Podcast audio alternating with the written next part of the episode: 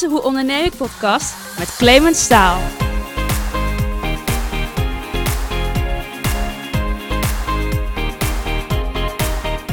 Ja, en welkom bij weer een aflevering van de Hoe Onderneem ik podcast. De podcast die om de 14 dagen uitkomt op dinsdagochtend om de week. En eh, ja, die gaat over ondernemerschap.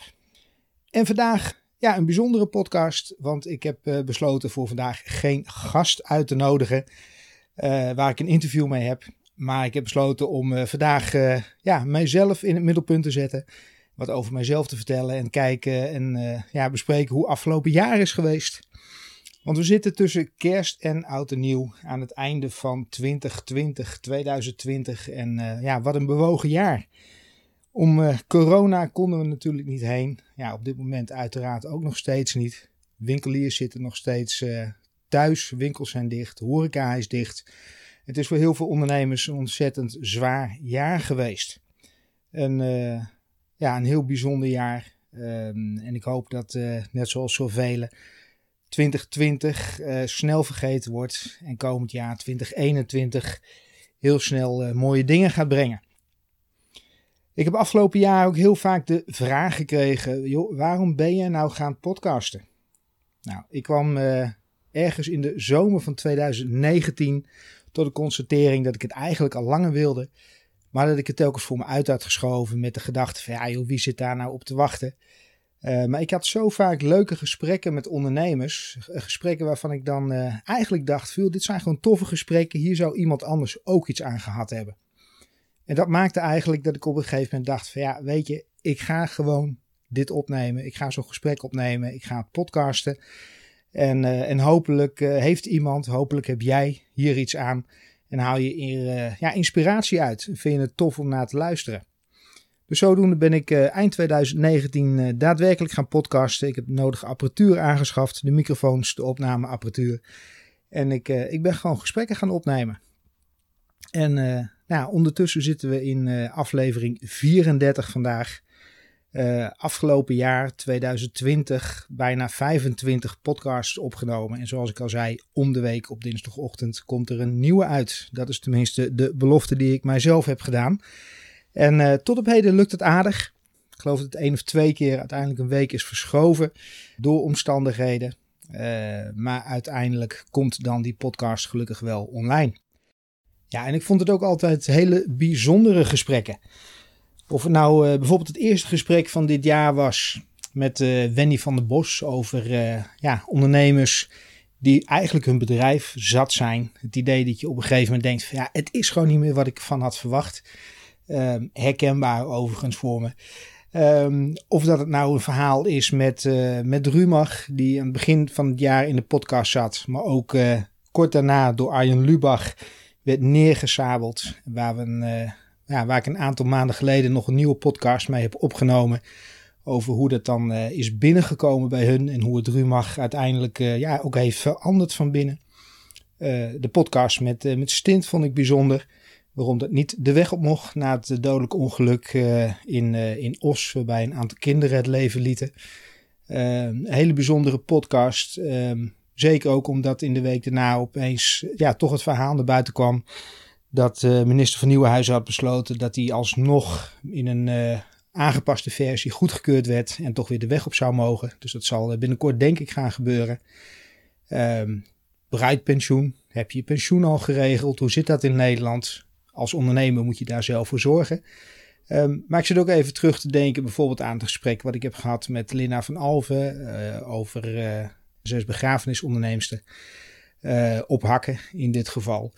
Um, nou, nee, dat is niet waar trouwens. De titel was begrafenisondernemen op, uh, op sneakers. Daar was ze eigenlijk een beetje bekend om geworden. Um, nou, allemaal stuk voor stuk hele bijzondere verhalen van, uh, van ondernemers, al dan niet met personeel, die elk voor zich ja, hun ups en hun downs in ieder geval in deze podcast hebben willen vertellen. Waarvoor ik ze zeer erkentelijk ben. Ja, en zitten daar dan mensen op te wachten? Ja, ik heb eerlijk gezegd geen idee. Um, jij zit in ieder geval te luisteren, dus dat vind ik ontzettend tof om, uh, om te merken. Um, ik zie aan de, aan de luistercijfers dat er in ieder geval naar wordt geluisterd, dus dat vind ik tof om te horen. of om te zien. En ik, ja, ik hoop gewoon dat jij hier heel veel inspiratie uit haalt.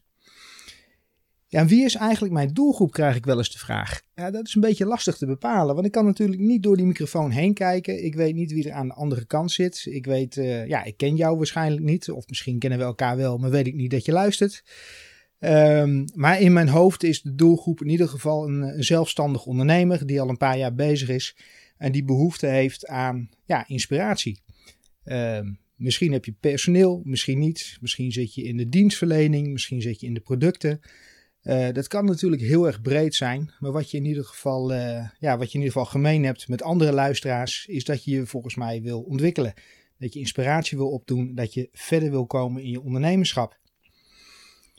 Um, ja, de vraag hoe kom ik dan aan mijn gasten? Nou, ik heb uh, toch zo nu en dan iemand die mij mailt en zegt hey joh, kan ik bij jou in de podcast? Of hey, ik heb iemand die mogelijk interessant voor je is... Nou, ik heb in ieder geval geen verdienmodel hierin. Dus ik kijk gewoon voor wie, uh, wie vind ik interessant om in mijn podcast te hebben. Heeft hij een, uh, ja, goed verhaal om te vertellen? Is het uh, ja, misschien iets nieuws? Is het anders dan de vorige keer? Dus op basis van dat gevoel nodig ik mijn gasten uit. En dan bij voorkeur nodig ik mijzelf uit bij diegene. Dus ik ga graag op locatie in gesprek met diegene in, in zijn of haar omgeving. Um, ja, vanwege corona is het afgelopen jaar natuurlijk niet helemaal gelukt, alle keren. Dus er zijn ook verschillende opnames geweest die we via de digitale weg hebben gedaan. Um, maar voor mezelf merk ik toch wel dat een uh, gesprek gewoon beter is wanneer je elkaar daadwerkelijk in de ogen kan kijken. Uh, ja, gewoon live. Nou, mijn voorbereiding doe ik, uh, doe ik altijd. dus ik ga altijd kijken veel wat is er over diegene te vinden. Ik google diegene. Uh, LinkedIn profiel en dergelijke even bekijken. Uh, omdat ik het ook gewoon voor mezelf interessant vind. Veel wat heeft diegene dan daadwerkelijk allemaal gedaan. Um, ja, en ook in een gesprek wil je natuurlijk toch enigszins, uh, enigszins voorbereid zijn. Zodat je vragen misschien soms uit onverwachte hoeken kan stellen en kan meepraten met diegene. Nou, de podcaststructuur. Ja, hopelijk is die jou ondertussen een beetje duidelijk. Um, er zit wel enige structuur in, al ligt die niet helemaal vast. Het is in ieder geval zo dat ik het altijd belangrijk vind dat de, ja, de gast in ieder geval zijn, zijn verhaal kan doen. Wat heeft hij gedaan tot op heden dan? Wat wil hij mogelijk in de toekomst doen? Um, ja, wat drijft diegene? En heel belangrijk, wat zijn zijn ups, maar vooral ook zijn downs? Wat zijn de, de leermomenten? Want ik ben ervan overtuigd dat van die leermomenten dat jij daar als luisteraar ook heel veel van kan leren. En dat is niet iets waar iedereen heel makkelijk mee te koop loopt. Normaal gesproken als we vragen aan de ander, joh, hoe gaat het? Dan is het al heel snel, ja, het gaat fantastisch. En er zijn natuurlijk sommige mensen die altijd wat te zeuren hebben. Dus die laten we nog wel eens een keertje links liggen. Uh, maar juist van die leermomenten, daar, uh, ja, daar heb je vaak veel aan als, uh, als ondernemer. Het is niet altijd rozige maneschijn. Niet alleen bij jou niet, maar ook bij anderen. Dat uh, ondernemerschap, dat gaat gewoon met ups en downs. En uh, de vraag is hoe vaak je uiteindelijk weer, uh, ja, weer op gaat staan. Ja, en hoe kijk ik dan zelf naar ondernemerschap? Nou, mijn achtergrond is dat ik ooit de detailhandelschool heb gedaan. En ja, ik had een docent die zei, eigenlijk zou je journalist moeten worden. Je zou de school van de journalistiek moeten gaan doen. Maar ik moest daar nog een, ja, eerst een mbo-opleiding tussen doen ben toen naar de detailhandelschool gegaan. En uh, ja, ondertussen woonde ik samen, ben ik gaan werken en ben ik uiteindelijk de sales ingerold.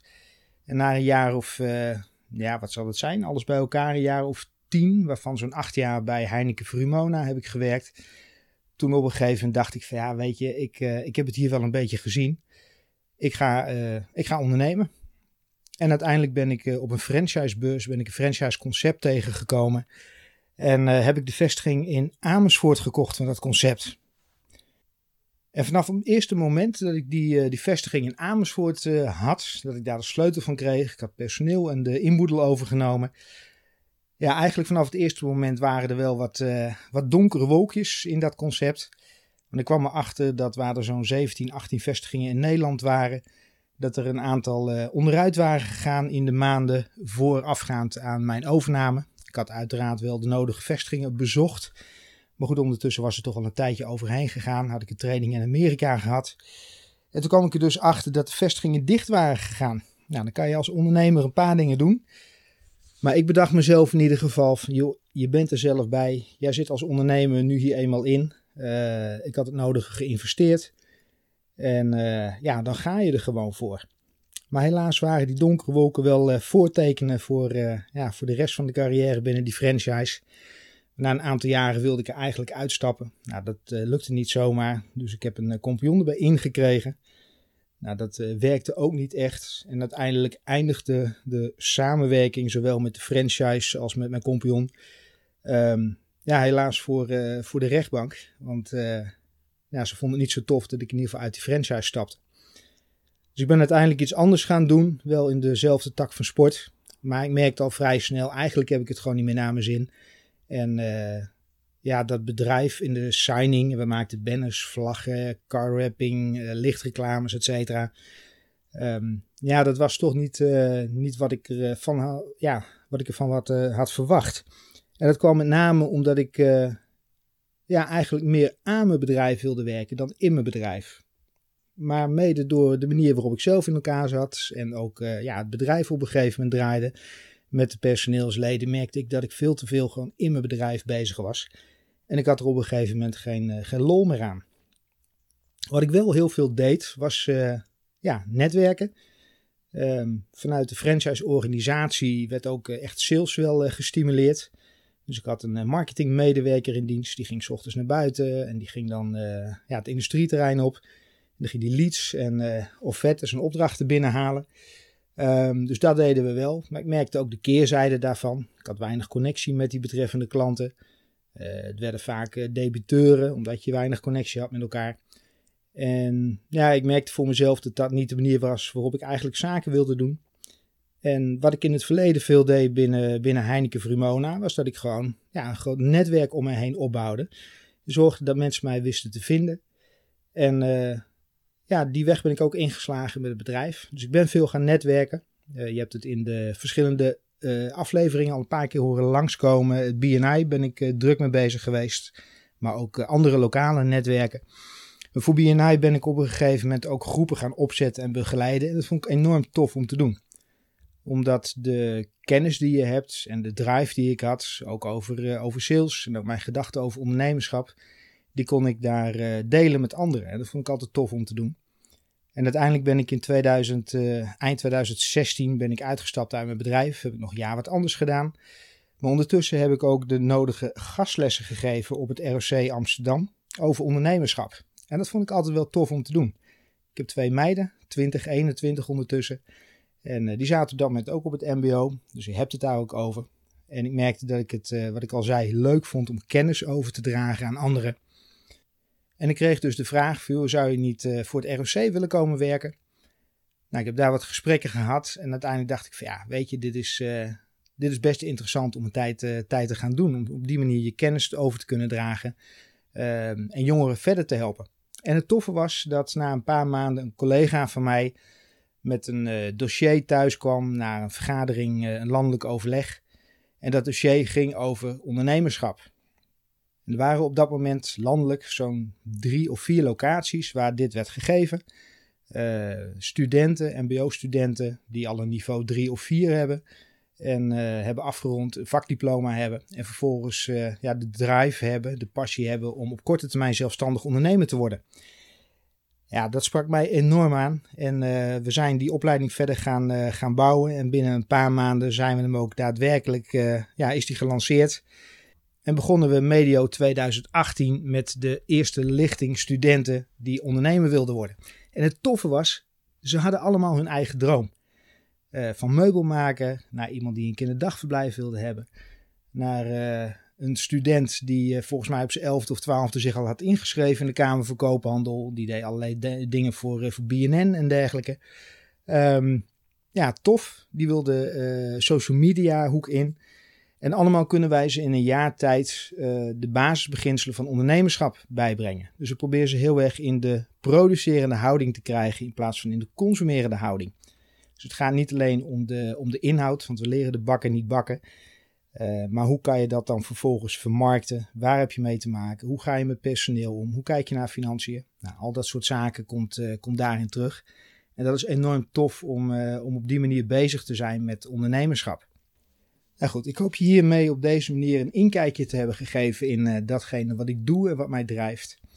Uh, ik hoop dat jij een uh, fantastisch 2021 hebt. Dat we 2020 uh, nou ja, snel achter ons kunnen laten. Voor de meesten was het niet zo'n heel succesvol jaar. ik hoop dat jij 2021 wat dat betreft, dat het je veel beter gaat.